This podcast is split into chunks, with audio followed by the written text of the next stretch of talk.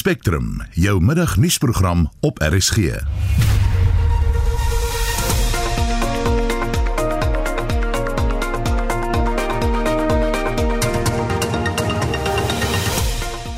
die program president Cyril Ramaphosa hou vol dat die Julie 2021 onluste beplan was. We did not have the capabilities and the plans in place to respond swiftly and decisively.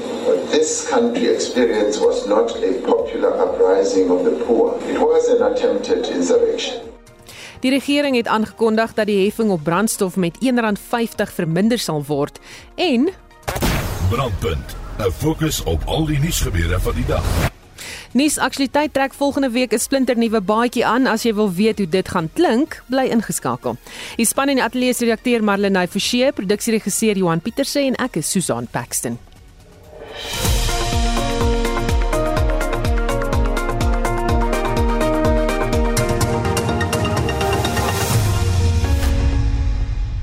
Dis nou 5 minute oor 12 in hoofnuus vandag. Die geweld en onrus wat in Julie verlede jaar in Gauteng en KwaZulu-Natal uitgebreek het, was 'n poging om die Suid-Afrikaanse ekonomie te destabiliseer. So het president Cyril Ramaphosa vanoggend voor die Suid-Afrikaanse Menseregte Kommissie getuig. Die MRK ondersoek die oorsake van die Julie onluste. Ramaphosa het erken dat die regering nie gereed was om op die onluste te reageer nie. Esie de Klerk het die president se getuienis gevolg. Esie Ramaphosa het sy getuienis met 'n openingsverklaring aan die kommissie begin. Ja, Susan het gesê vir 'n week en een dag in Julie het die land in afgryse na die hart van donkerte gestaar, soos wat hy dit genoem het, en meer as 50 miljard rand se skade is aangerig. Mense is aangerand, mense is dood en meer as 2 miljoen mense het hulle werke verloor deur middel van besighede wat verwoes is. We felt the greatest sense of betrayal that there were some amongst us who would go so far as to plot to destroy this very country we had spent the past 28 years to build.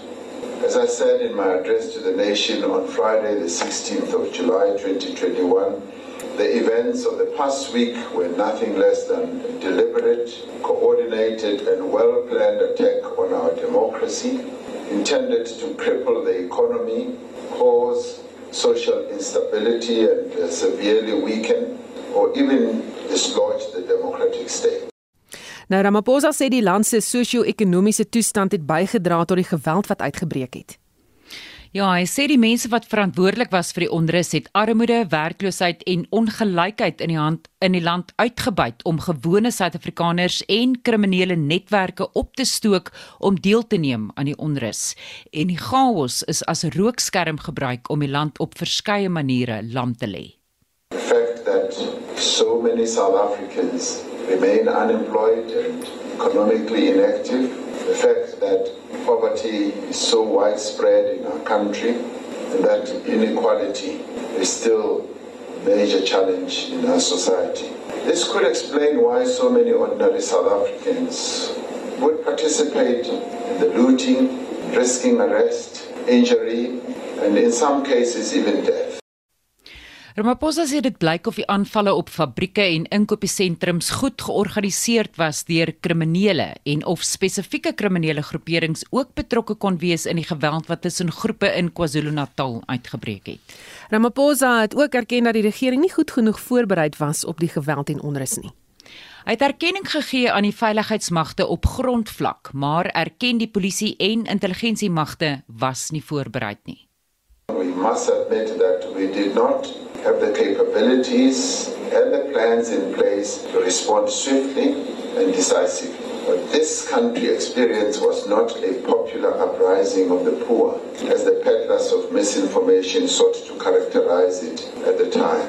It was not the bubbling over of discontent over an allegedly legitimate political grievance. It was an attempted insurrection. Hy sê terwyl daar intelligensie-inligting was oor 'n moontlikheid van onstabiliteit in die land, het nie die regering of die veiligheidsmagte die erns en die omvang daarvan besef nie. This was a failing that we acknowledge and which we are hard at work to address. It is also principally a failing that I also acknowledge. Nou Ramaphosa het in Augustus 'n paneel van kundiges saamgestel om die verslag saam te stel oor die regering se gebrek aan gereedheid tot die krisis, reg? Ja, so aan die verslag wat bekend staan as die Afrika verslag is in Desember bekend gemaak. En Ramaphosa sê aanbevelings deur die verslag word reeds toegepas, onder meer dat vakante poste in die polisie en misdaad intelligensie reeds gevul word en nodige veranderinge word aangebring en deel daarvan was om 'n nuwe nasionale polisiekommissaris aan te wys wat hy gister gedoen het. Ramaphosa het gesê gebeure soos die wat in Julie verlede jaar plaasgevind het, mag nooit weer in Suid-Afrika toegelaat word nie. Sy getuienis voor die kommissie duur voort. En dit was Estie wat vir ons 'n kort oorsig gegee het oor die president se getuienis vanoggend voor die Menseregte Kommissie. Die regering het aangekondig dat die heffing op brandstof met R1.50 verminder sal word in 'n poging om die stygings van brandstofpryse te stuit. Die voorsitter van die brandstof kleinhandelaarsvereniging, Reggie Sibia, sê egter dit is nie goeie nuus vir die bedryf nie. It's bittersweet pill in just to summarize it. It's really bad news for retailers. In fact, it's bad news for future investors in fuel business. When we look at these particular phase two proposals of the media statement. And what we're saying also is that, well, these are just proposals at this stage, really for motorists just to know. They are not really regulations per se. As you know, we are a regulated industry. The to effect these proposals, they still need to follow due process. Also, what we're saying is that, like any other regulatory decision, it, if it actually talks to the failure of the industry, that decision is subject to review in courts because what we're saying is that then in the failure of a proper regulation, then our last resort is really to go to courts. Sibia sê daar is boonop nooit met die sektor samesprekings gevoer nie. The price capping on ULP 93. The statement is actually incorrect in our view. There has never been any consultation on the maximum pricing of ULP 93 as far as FRA is concerned. All we are aware of is that there was a call for submissions some two years back actually. Then we, together with other industries, submitted written submissions and nothing happened after that. There was dead silence. You can hardly call it a consultation. En dit was die voorsteur van die brandstof kleinhandelaarsvereniging Reggie Sibenya wat vroeër met SAK nuus gepraat het. En ons praat nou verder oor die kwessie met Dr Chris Harmse, hoofekonoom van CH Economics. Goeiemôre Chris. Goeiemôre Susan, môre luisteraars.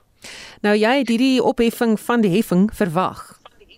Ja, ek het dit verwag. Ek dink ek het 'n paar, paar keer op hierdie program en ander programme uh al so 'n maand gelede gesê dat die enigste manier ons hierdie ding kan stop is om uh die petrolprys dan nou maar te subsidieer in die korttermyn want ons almal verwag is hopelik 'n korttermyn reaksie. En my my voorstel sou wees dat ons die volle R3 ek dink 85 heffing nou moet skrap en vir 'n periode van 6 maande sonder om geld te gaan uh 'n nuwe belastings te verhoog en doodeenvoudig om die hoeveelheid skuld wat ons sou terugbetaal ehm uh, 'n bietjie minder te gemaak het uh en uh, die las van die ekonomie af te gevat het. So die minister het nou natuurlik die rand 50 gaan uh, aankondig en hooplik gaan dit tog uh jy weet help. Op watter beginsel is hierdie heffing uitgewerk? Dit is moeilik om te bepaal.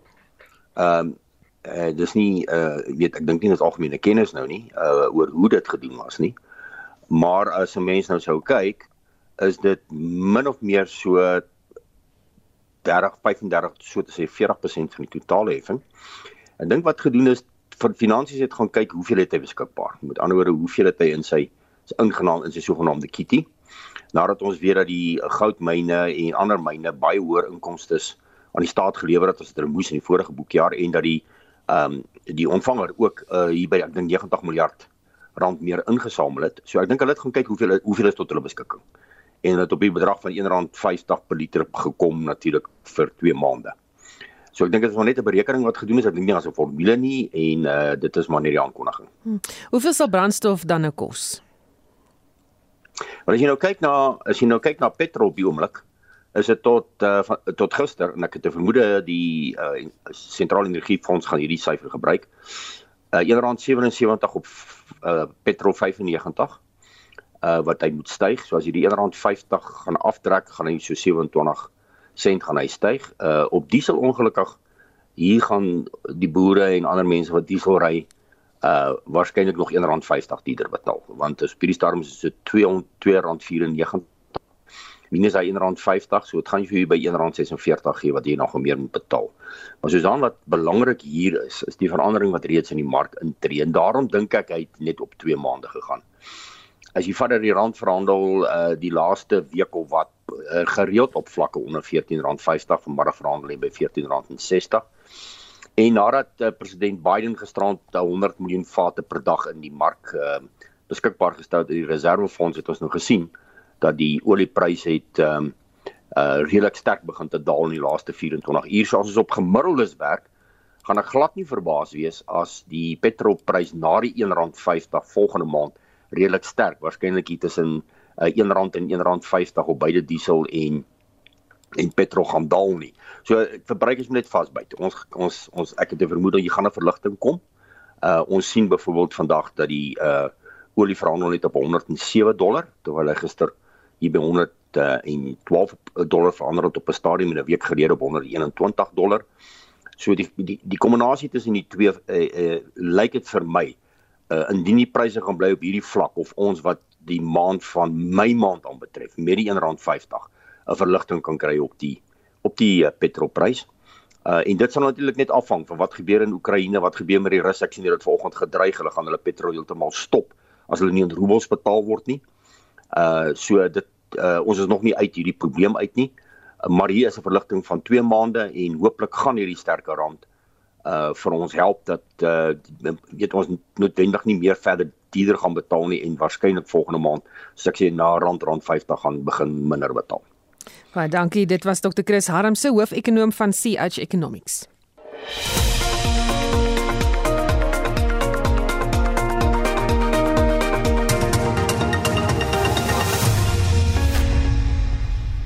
Dit is nou 18 minute oor 12 jy luister na Spectrum. Die land het dringend meer opwekkingskapasiteit nodig, maar die regering kry die instel van projekte wat noodkrag sou kon voorsien nie van die grond af nie. Die sesde ronde van die ondertekening van kragaankope ooreenkomste is weer uitgestel. Die webblad van die departement van minerale hulpbronne en energie dui aan dat die ronde wat gister sou klaar gemaak het, nie kan voortgaan nie weens uitstaande dokumente en voorwaardes. Ons praat met Corneel Skabort van die Noordwes Universiteit se skool vir chemiese ingenieurswese. Goeiemôre Corneels. Middag Susan. So hoeveel keer is die sperdatum vir die projek dan al uitgestel? Wel, in die konteks van die departement van minerale hulpbronne en energie, dink ek die klassieke lese van van uitstel kom afstel, met hulle is dit van uitstel kom verdere uitstel. So die tydlyn gaan terug na Desember 2020 toe.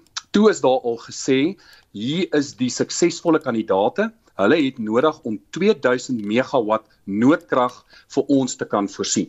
Nou hulle het toe tyd gehad. Die aansoekproses het gesluit Desember 2020, Maart 2021, so 3 maande later, is daar toe aangekondig wie gaan die suksesvolle kandidaate wees. Nou een van die bekendstes wat ons ken is natuurlik die Turkse maatskappy Car Powership en hulle sou 1200 megawatt van die 2000 megawatt moes voorsien.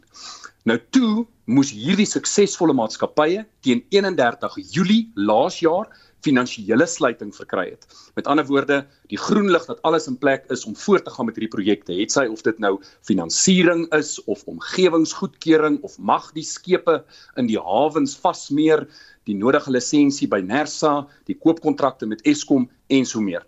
Nou 31 Julie 2021 het gekom en gegaan. En toe word dit vir die eerste 30 September laas jaar. 30 September het gekom en gegaan, dis uitgestel tot einde Januarie. Toe einde Januarie het gekom en gegaan en vir 'n derde keer is dit uitgestel tot gister 31 Maart en hierdie is nie 'n April grap nie. Dit is weer eens uitgestel nou al vir 'n vierde keer en ek dink nie dit verbaas enigsins die RSG luisteraars nie. Hm. Wat is die ekonomiese impak van die onvermoë van die regering om hierdie noodkrag aan die nasionale kragnetwerk te koppel? Susan, tans het dit nog nie 'n impak nie want ons moet dan ten minste regverdig wees, maar as ons vat die oorspronklike plan het gevra dat teen Junie 2022 hierdie 2000 megawatt gekoppel sou moes gewees het reeds aan die kragnetwerk. Met ander woorde, dit is Mei Junie, dis 2 maande van nou. Beteken dit as ons in ag neem dat beurtkrag die land ten minste 500 miljoen rand per fase per dag kos, dan gaan die effek wees van 'n tekort aan 2000 megawatt noodkrag wat gelykstaande is aan twee beurtkragfases, gaan dit wees 'n miljard rand per dag. So om te bepaal wat die impak gaan wees, gaan na Junie 2022 en elke dag vanaf Junie 2022 wat daar fase 2 beurtkrag of hoër fase beurtkrag ingestel gaan word, gaan dit beteken dat die land 1 miljard rand ekstra gaan opdok basies vir fase 2 beurtkrag wat nou daar is wat nie daar sou gewees het as die noordkrag daar daar sou gewees nie. Maar dan moet ons ook onthou dat sonder hierdie noordkrag gaan daar baie staat gemaak moet word op die huidige oop siklus gasturbines. En as die koue wintermaande kom, dan gaan daai turbines hardloop asof die duiwel hulle jag. En die koste per kilowattuur om daardie turbines te bedryf is oor die R5 per eenheid elektrisiteit. En die noodkrag sou baie goedkoper gewees het. So hierdie onvermoë van die regering om die noodkrag in in in werking te stel teen Junie 2022 soos wat dit moes, gaan 'n dubbele effek hê op ons land. Eerstens 'n verlies aan ons bruto binnelandse produk en ons praat van 'n miljard rand per dag vir twee fases, maar dan ook verhoogde bedryfskoste vir Eskom, duur diesel, minder geld beskikbaar vir instandhouding, meer stasies wat breek en dan gevolglik meer beerdkrag. So dis ongelukkig nie 'n mooi prentjie wat geskets word en die risiko wat uit die aard van die saak verhoog word ja. omdat hierdie projekte nie daar is nie. Ja. Nou sins Cornelis, wat kon die regering eerder gedoen het om hierdie noodkrag wel betyds aan die nasionale netwerk te koppel? Wel, eerstens sou ek gesê het die regering moes besef het dat hulle hulle self gaan vasloop teen legio omgewingsgroepe wat dit gaan teenstaan. So ek sou gesê het, op hierdie stadium van die geveg is daar alreeds studies en 'n toon met die verhoogde gaspryse wat ons het as gevolg van die Russiese inval in Oekraïne. Gas is duur en gas is baie wisselvallig. Dit is tans goedkoper om son en wind plus batterye daar te gestel het. Dit sou binne 'n jaar moontlik gewees het om ten minste 2 gigawatt krag tot die netwerk te voeg. Dit sou goedkoper gewees het, dit sou vinniger gewees het, dit sou meer omgewingsvriendelik gewees het, maar die regering bly vashou klou soos 'n neet aan hierdie idee wat hulle het en ek glo nie hierdie projek gaan op die einde van die dag enigstens goedgekeur word nie. Baie dankie, dit was Corneel Skambort van Noordwes Universiteit se skool vir chemiese ingenieurswese. Nou dit wil nie voorkom of Suid-Afrika se kragprobleme binnekort iets van die verlede gaan wees nie. So hoe maklik en bekostigbaar is dit om van die nasionale elektrisiteitsnetwerk af te kom? Graham White, 'n senior elektriese ingenieur uh, of ingenieur by Home Energy sê dit is nie so maklik nie en nog betreklik duur. En dit gaan 'n lang tyd vat om ons almal weet die situasie by Eskom, jy weet alles is met steenkool bedryf en die goed is oud en werk nie so lekker nie doing a lot to actually change the situation. Weet as ek dit so sê, dat die of vier kragstasies wat nou gaan afvat van die grid af, maar wat kom in hulle plek? Jy weet, hulle vat hulle tyd met die RIEEP windows en die renewables daar is nuwe projekte wat gaan opkom, maar dit is klein. Is 'n paar megawatts, dis nie 100 megawatts wat op die oomblik deur Eskom uitvoer nie. Is die antwoord dan om van die nasionale netwerk af weg te kom? Ah ja en nee, dit is nie maklik nie.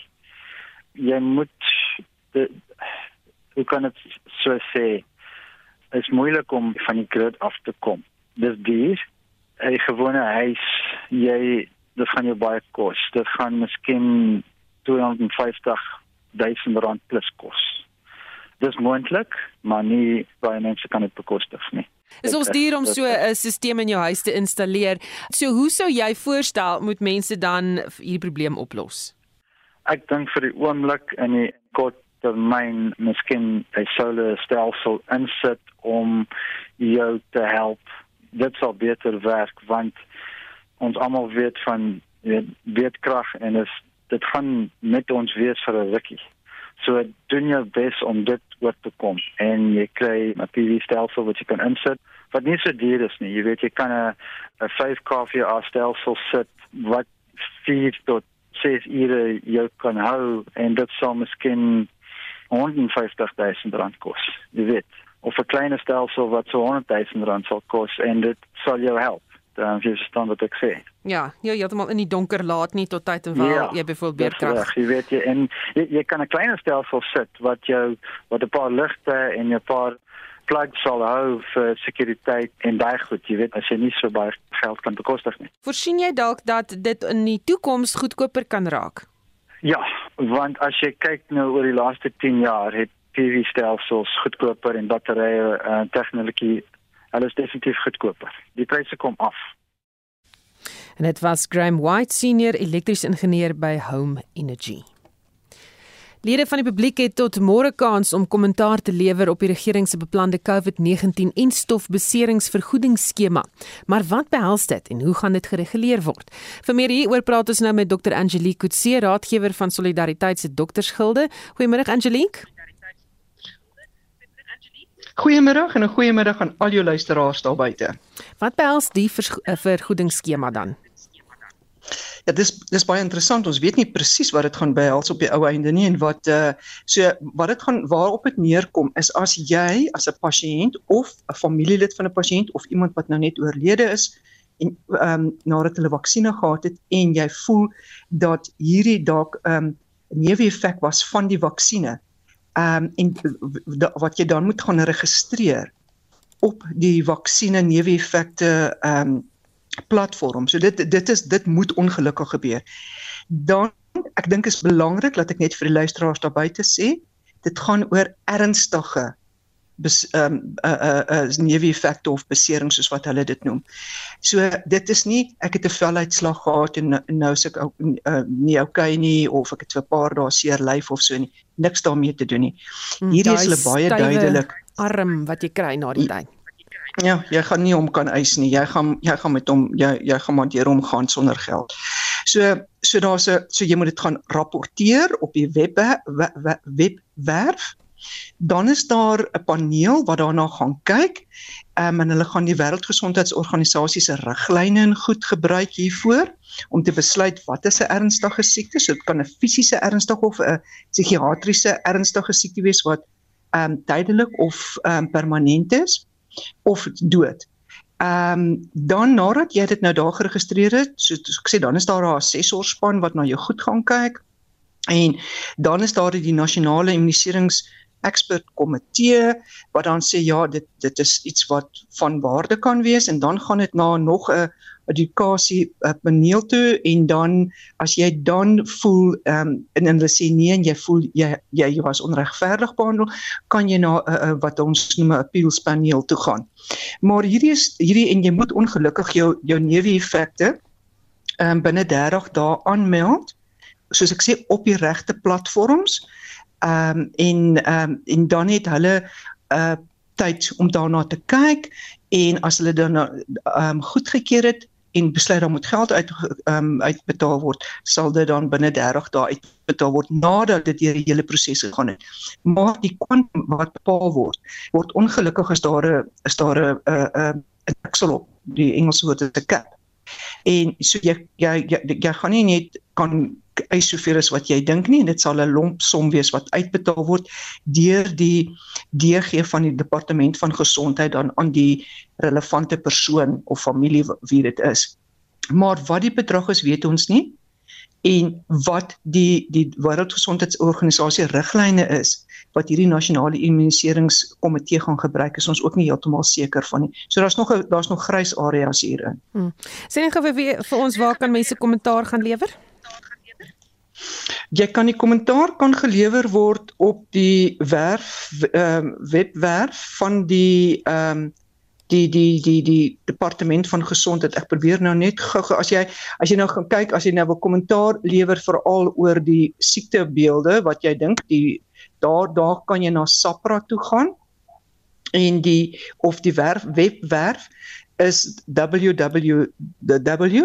health.gov.za/covid19/ Dit is waar jy moet gaan kyk en dan kry jy al daai papier, jy kry SAPRA se vorm daar, jy kry die vorm die die die die die eisvorm ehm um, wat jy dan kan kan ook direk by die departement kan aanmeld. Maar soos ek sê, jy moet dit aanmeld en as jy dit aanmeld, is dit nie te sê dat daai eis gaan dit word 'n eis nie. Soos ek sê, daar's nou hulle gaan nou eers bes, dan besluit nadat jy aangemeld het of is dit 'n werklike eis en voldoende dan aan die kriteria wat ons nog nie 100 weet daai daai kriteria riglyne is nog nie bekend gestel nie maar ons weet dit gaan wel deur die hoe gebaseer wees op die Wêreldgesondheidsorganisasie se riglyne.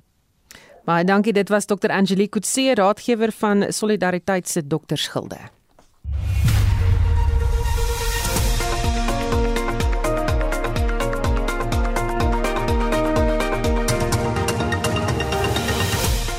As jy pas by ons ingeskakel het, 'n woord van bemoediging aan motoriste wat die brandstofprys betref. Verbruikers moet net vasbyt. Ek het 'n vermoede jy gaan 'n verligting kom. Ons sien byvoorbeeld vandag dat die olie verhandel net op 107 dollar, terwyl hy gister hier by 112 dollar verhandel het op 'n stadium en 'n week gelede op 121 dollar. Later in die program vra ons hoe die privaat sektor kan floreer in 'n Suid-Afrika wat neig na 'n welsynstaat en Brandpunt, 'n blitsoorsig van die dag se nuusgebeure. 'n Splinternuwe nuusprogram is van volgende week af op RSG. Kom hoor waarna jy kan uitsien. Bly ingeskakel.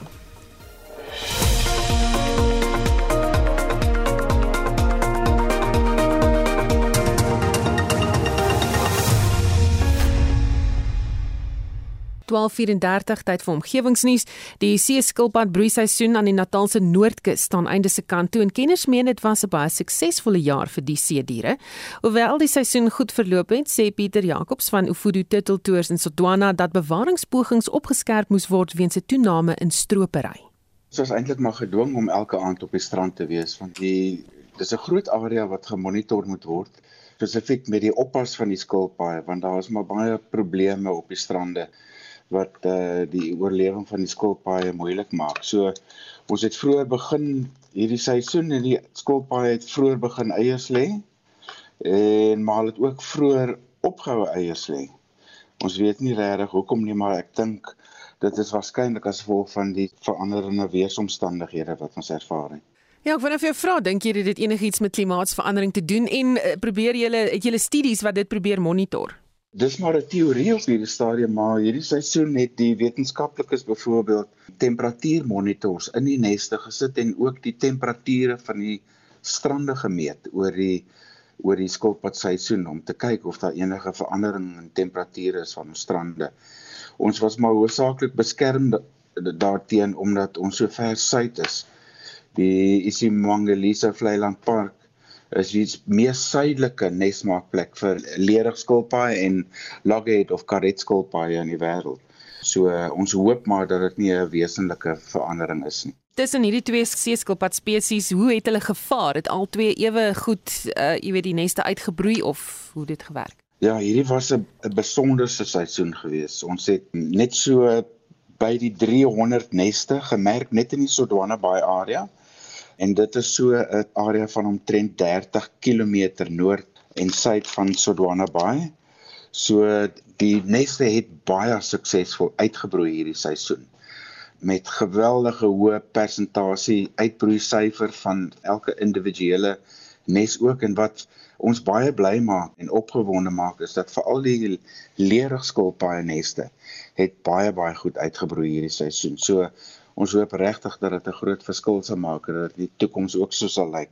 Nou, is die skilpaaie nog bedreig en watse tendense het julle opgetel wat betref uh, hoe bedreig hulle is? Die leerskilpaaie is krities bedreig reg oor die wêreld, so daar is nie meer baie van hulle oor nie. 'n Onlangse studie het getoon dat daar net omtrent soos tussen 50 en 60 000 leerskilpaaie wat nog nes maak oor die hele wêreld. So die statistieke wys vir ons dat dit 'n groot probleem is. So ons het in die Sodwana Bay area of in die Isimangilisa Vlei-land Park area het ons maar so 70 gemiddeld 70 leerskilpaaie wat wat eiers kom lê op ons strande. En elke skilpad lê so tussen 6 en 8 neste per gedurende seisoen. So die getal is nie hoog nie, maar dis 'n baie belangrike area in die Indiese Oseaan waar leerskilpaaie nog vrylik en ongehinderd hulle nesse kan kom maak en hulle eiers kan kom lê. So wat ons gesien het ook is dat die strande, daar is sekere probleme wat ons ervaar het. Dis 'n baie groot area wat gemonitor moet word. So stroping in die eerste plek is 'n groot probleem. Stroping van die eiers waarskynlik vir die moetiemark en wat ons gesien het die laaste 2 jaar sedert COVID-19 sy kop uitgesteek het is dat uh, daar al hoe meer stroping is van die babaskoolpaadjies op ons strande waarskynlik of vermoedelik ook aan die Motimark en dan ook is vir die eerste keer het ons gesien dat die skoolpaaie gemutileer word. So liggaamsdele word afgesny. En dit was uh, Pieter Jacobs van Ufudu Turtle Tours in Sodwana. Die sprinkaanplaag wat reeds groot skade aan gewasse en weiveld in die Noord-Kaap, Karoo en Wes-Kaap aangerig het, word nou ook in die Oos-Kaap aangemeld. Reuse swerm sprinkane word in die gebiede aangemeld. Vir meer besonderhede praat ons nou met Agri SA se ramprisikobestuurder Andrea Kamfer. Goeiemôre Andrea. Goeiemiddag Suzane luisteraars. Wat is die kans dat die sprinkane gebiede in die Vrystaat Noordwes en selfs Gauteng kan bereik en wat sal die impak daarvan wees? Eh, kan dit byvoorbeeld 'n kwart van die mielieoes byvoorbeeld in die Vrystaat vernietig? Dit is 'n realiteit. Um, ons het nou gesien massiewe groot sprinkaan-uitbrekings in die Oos-Kaap, maar onthou wanneer 'n sprinkaan op die op die vlak kom waar hy begin vlieg, kan hy deur lugstrome verder heen uh, versprei word. Ons het laas jaar ook gesien dat daar sprinkaan-uitbrekings in dele van die um, Oos of in die Suid-Vrystaat was. So daar is 'n kans dat met met die groot uitbrekings dat die wind hierdie sprinkaane na hierdie gedeelte toe kan gee, uh, kan versprei, wat 'n natuurlike impak kan hê op gewasse. Jou mielies, jou soja, jou sonneblom, maar op die stadium um, weet ons daar's groot uitbrekings in die sitrusboerderye um, in die Oos-Kaap. So ja, dit dit dit kan 'n groot effek hê. Dit dit um, kan 'n groot effek op uh, voedselsekerheid op die einde van die dag hê, maar soos ons weet is ons uh, distrikssprinkaanbeamptes of ons sprinkaanbeamptes op grondvlak baie hard besig nou om um, hierdie sprinkaanplaag te bekamp. So ja, dit dit definitief dit kan na die ander provinsies. Ek glo nie so ver soos Gauteng nie, maar definitief dele van die Vrystaat en Noordwes. Hmm. Kan daar volgende jaar weer so 'n sprinkaanplaag uitbreek? Ehm um, ja, definitief sprinkaan uitbrekings um, of uitbrekings uh, vind gewoonlik plaas met goeie reëns en indien ons weer 'n goeie reënseisoen op hande het volgende seisoen kan ons sien dat daar grootskaalse uitbrekings plaasvind. Ehm um, ek meen daar is dele in die Oos, ag in die Wes-Kaap waar waar vir die eerste keer in meer as 40 jaar sprinkaan uitbrekings was in Calitzdorp area. So vir interessantheid So hierdie sprinkaan swerms lê nou eiers en dan met die volgende reëns kan hulle weer uitbreek. So ja, daar kan definitief daar daar's wel moontlikheid wees weer van sprinkaan uitbrekings in in die volgende reënseisoen. Wat is van die grootste uitdagings uh, om hierdie plaag te beheer? Wel op grondvlak is daar ehm um, is die uitdagings uiteenlopend in terme van die Agricultural Pest Act en ekskuus ek gebruik nou die Engelse naam daarvoor is die nasionale departement van landbou primêr verantwoordelik om peste en plaag uitbraking of uitbrekings te beheer. So hulle stel ehm um, ek weet springkaan beamptes aan wat gewone karoo boere is of boere wat in hierdie terreine boer, so hulle ken die terrein en hulle bestry dan nou hierdie uitbrekings. Ehm um, dis van die probleme wat ons op grondvlak ervaar is op die stadium is daar is 'n lae ehm um, um, insekdode voorrade beskikbaar in die land ehm um, gebrekkige toerusting, ehm um, ons dat ons administrasie kapasiteitsprobleme aan die departement se kant, maar wat georganiseerde landbou die stadium doen is ons probeer hierdie kwessie stroomlyn ehm um, of voortbelyn hou tussen die departement en dan ook die die springkaanbeamptes wat nou ons boere is op die grond sodat daar effektiewe plaagbeheer kan plaasvind sodat ons nie uiteindelik kan sien dat nasionale voedselsekerheid enigstens bedreig word nie. Ehm um, so ja, dit is dit van die probleme is laatbetalings ehm um, van die departement se kant af en ehm um, na insektore. Ag dit dit is dit is probleme wat nou mm. opkom en wat ons probeer aanspreek as georganiseerde landbou saam met die departement sodat ons nie kan toesien dat hierdie hele operasie gekniehalter word nie. Baie dankie. Dit was Agres Ase ramprisikobestuurder Andrea Kamfer.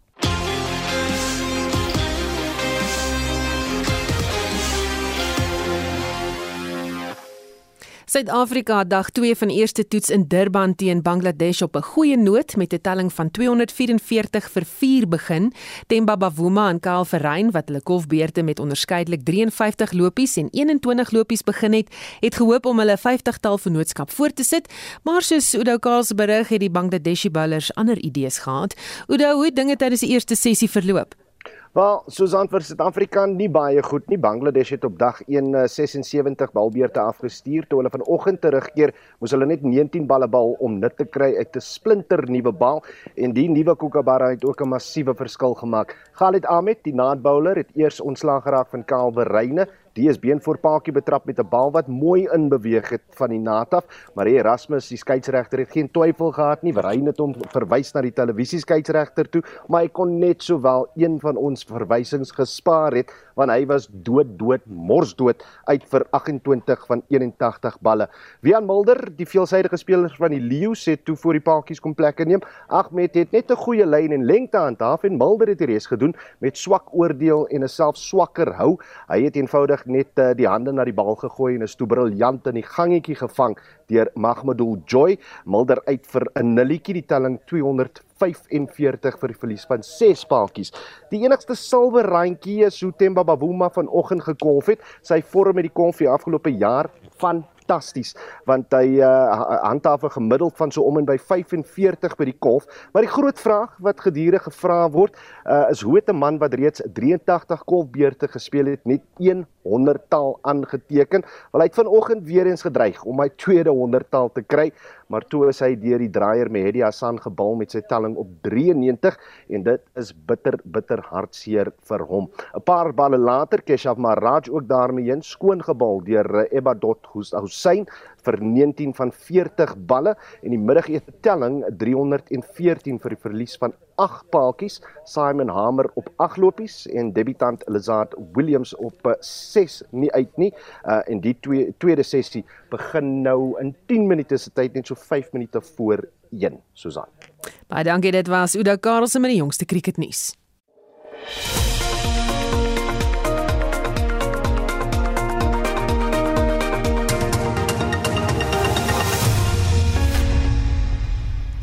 Nou kwart voor 1. Die president het tydens sy staatsrede gesê die privaat sektor moet 'n beduidende rol speel om die ekonomie te laat groei. Maar hoe floreer die privaat sektor in 'n omgewing waar alle aanduidings toon dat dit 'n welstynstaat kan word?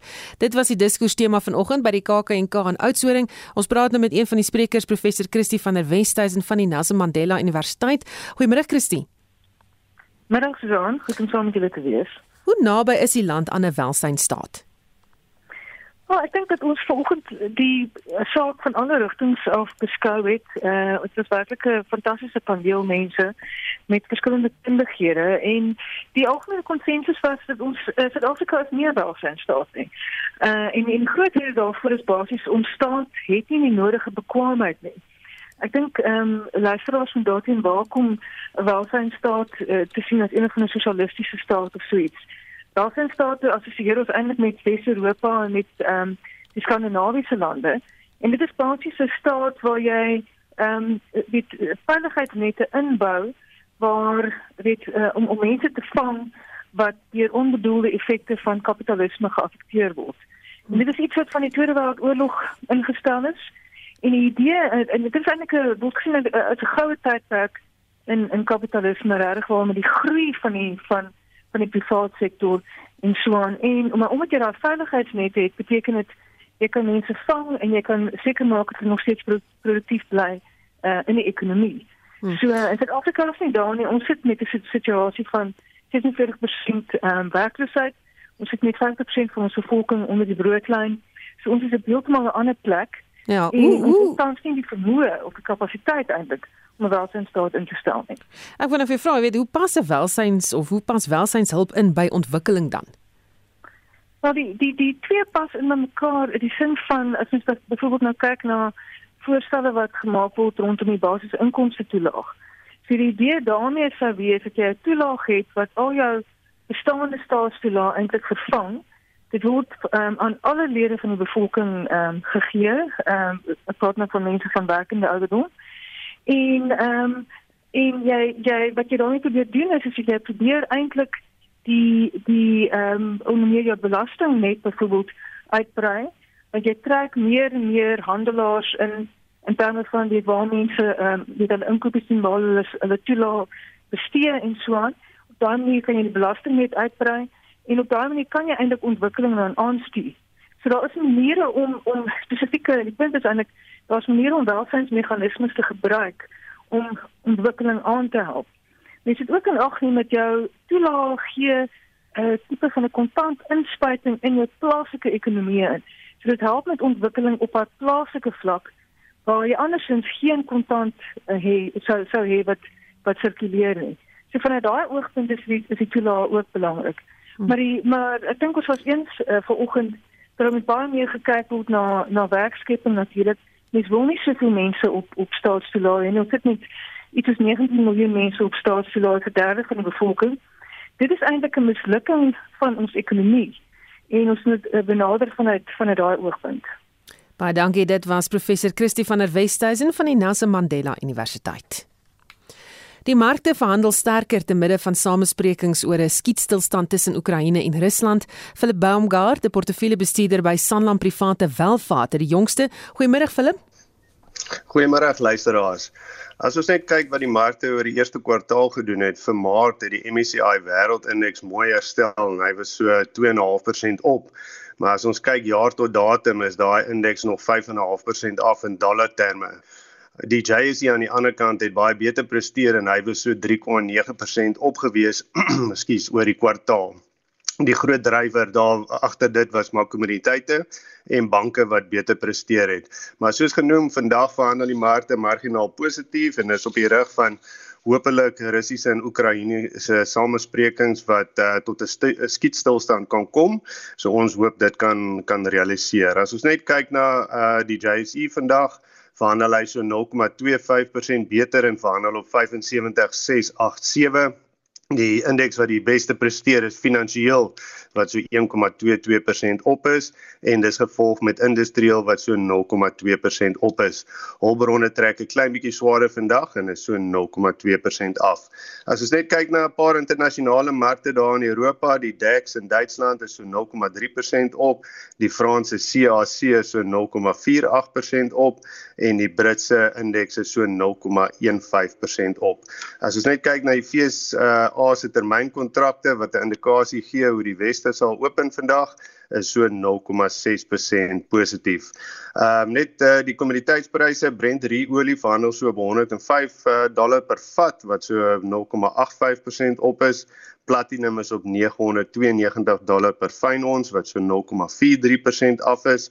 Palladium is op 2255 wat so 0,5% op is en ystererts is onveranderd vir die dag.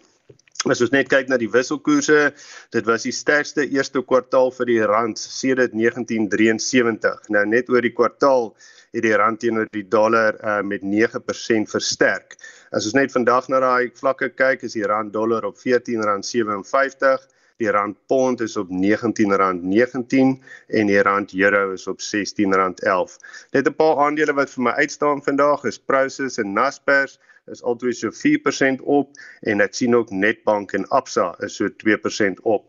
Twee aandele wat bietjie swaar trek vandag is Richmond wat so 1.4% af is en Shoprite Checkers wat ook so 1.4% af is. En daarmee terug na julle. En dit was Philip Baumgart, 'n portefeuljebestuurder by Sanlam Private Welvaart. Nou soos jy nou seker al gehoor het, is daar baie veranderinge wat gaan plaasvind op RSG van volgende week af en ons hier by nuus gaan ook 'n nuwe baadjie aantrek. En om ons meer daarvan te vertel, praat ons nou met ons uitvoerende regisseur Nicoline de Wee. Sy is hier in die ateljee, nie na kantoor nie. middag Susan, middag luisteraars. Waarna kan die luisteraars uitsien um, uit hierdie nuuskantoor uit nou? Wel, soos jy vroeër gesê het, baie van ons getroue RSG luisteraars het seker al in die media gesien of gehoor en dat ons vlaggenskap program monitor vanaf 4 April slegs 1 uur lank sal wees en dit sal voortaan weekdae tussen 6 en 7 in die oggend uitgesaai word.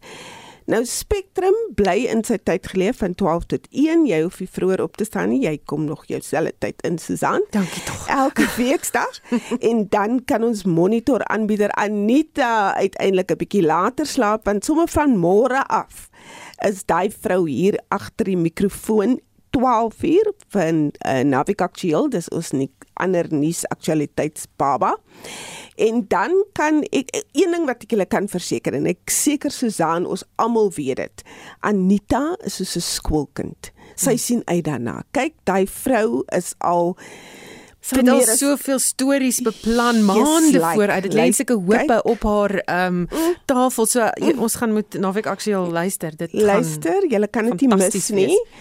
En sy vat ook die fliekrubriek saam met haar naweke toe en dis natuurlik tussen 12 en 1 môre middag moet dit nie misloop nie. Ek weet die verkorte monitor waarmee ons baie van ons groot geword het is deesdae op almal se lippe. Almal praat daaroor.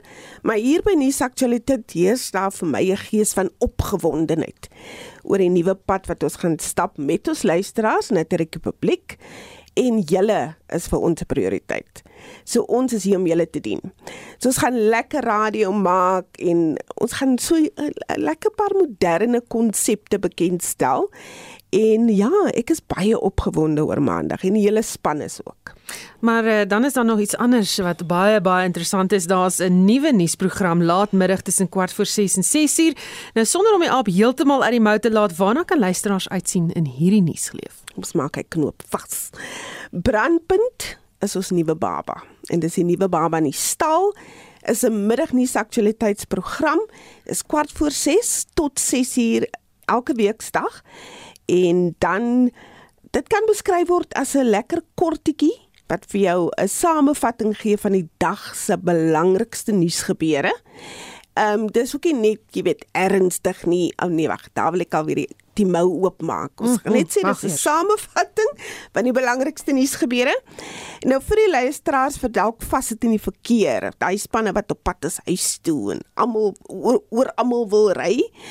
Uh, of dalk die wat by die huis is en net so voor hulle huis sepies wil aanskakel het hulle net gou gehoor wat het vandag in die nuus gebeur.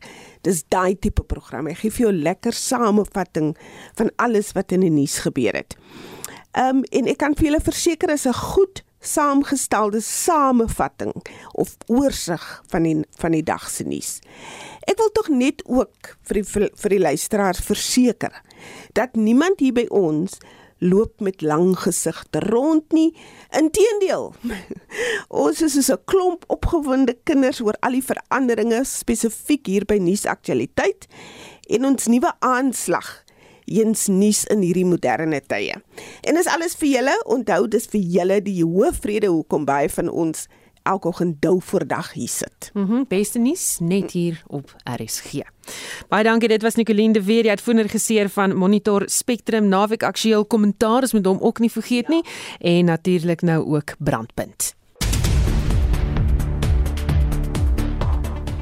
Nou een van die dag se groot stories is die van die president van die ANC, vrou Liga Batabile Dlamini wat gevind is, is vir my net in in 'n lien net vir ons die jongste. Ja, die Johannesburgse Landroshof het Dlamini 'n boete van 200 000 rand of 4 jaar tronkstraf straf opgelê. Sy sal net 2 jaar uitdien as sy tronkstraf verkies.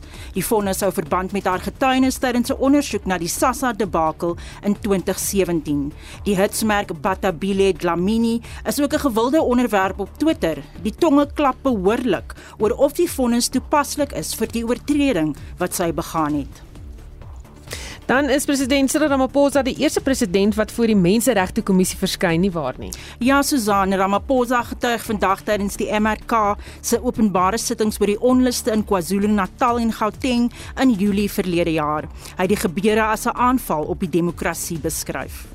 The events were nothing less than deliberate, coordinated, and well planned attack on our democracy, intended to cripple the economy, cause social instability. Die moontlike vermindering van die brandstofheffing met R1.50 is nie oral ewe goed ontvang nie. Die voorsitter van die brandstof kleinhandelaarsvereniging, Reggie Sibia, sê die konsultasieproses was gebrekkig. There was a call for submissions some two years back actually. Then we, together with other industries, submitted written submissions and nothing happened after that. There was dead silence. You can hardly call it a consultation. Die verkiesingskommissie voer op die oomblik onderhoude vir die posisie van voorsitter. Die bestaande voorsitter, Glen Mashinini, het hom bereid verklaar om vir 'n tweede termyn te dien. Ons het 'n mediese kenner gevra wat behels die beplande COVID-19-enstof beseringsvergoedingsskema. Dr Angelique Kutse het die volgende gesê: Dit gaan oor ernstige neeweffekte of beserings soos wat hulle dit noem. So dit is nie ek het 'n veluitslag gehad en nou is ek nie okay nie of ek het vir 'n paar dae seer lyf of so nie. Niks daarmee te doen nie. City Power in Johannesburg sê dat 'n substasie in Roosevelt Park oorverhit het. Inwoners van wyke 86 en 88 sal vir tussen 48 en 96 ure sonder krag wees. Goeie genigtig, dis 'n lang tyd. Dit was Annelien Moses met 'n blik op die dag se ontwikkelende nuusgebeure.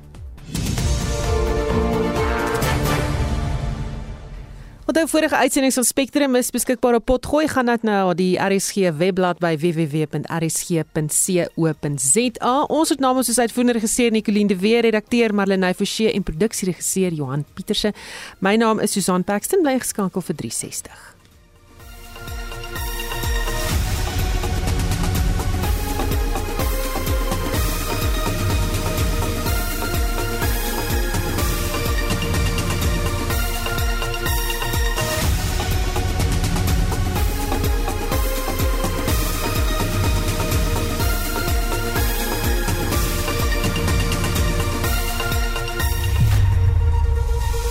SAK nuus. Onafhanklik, onpartydig.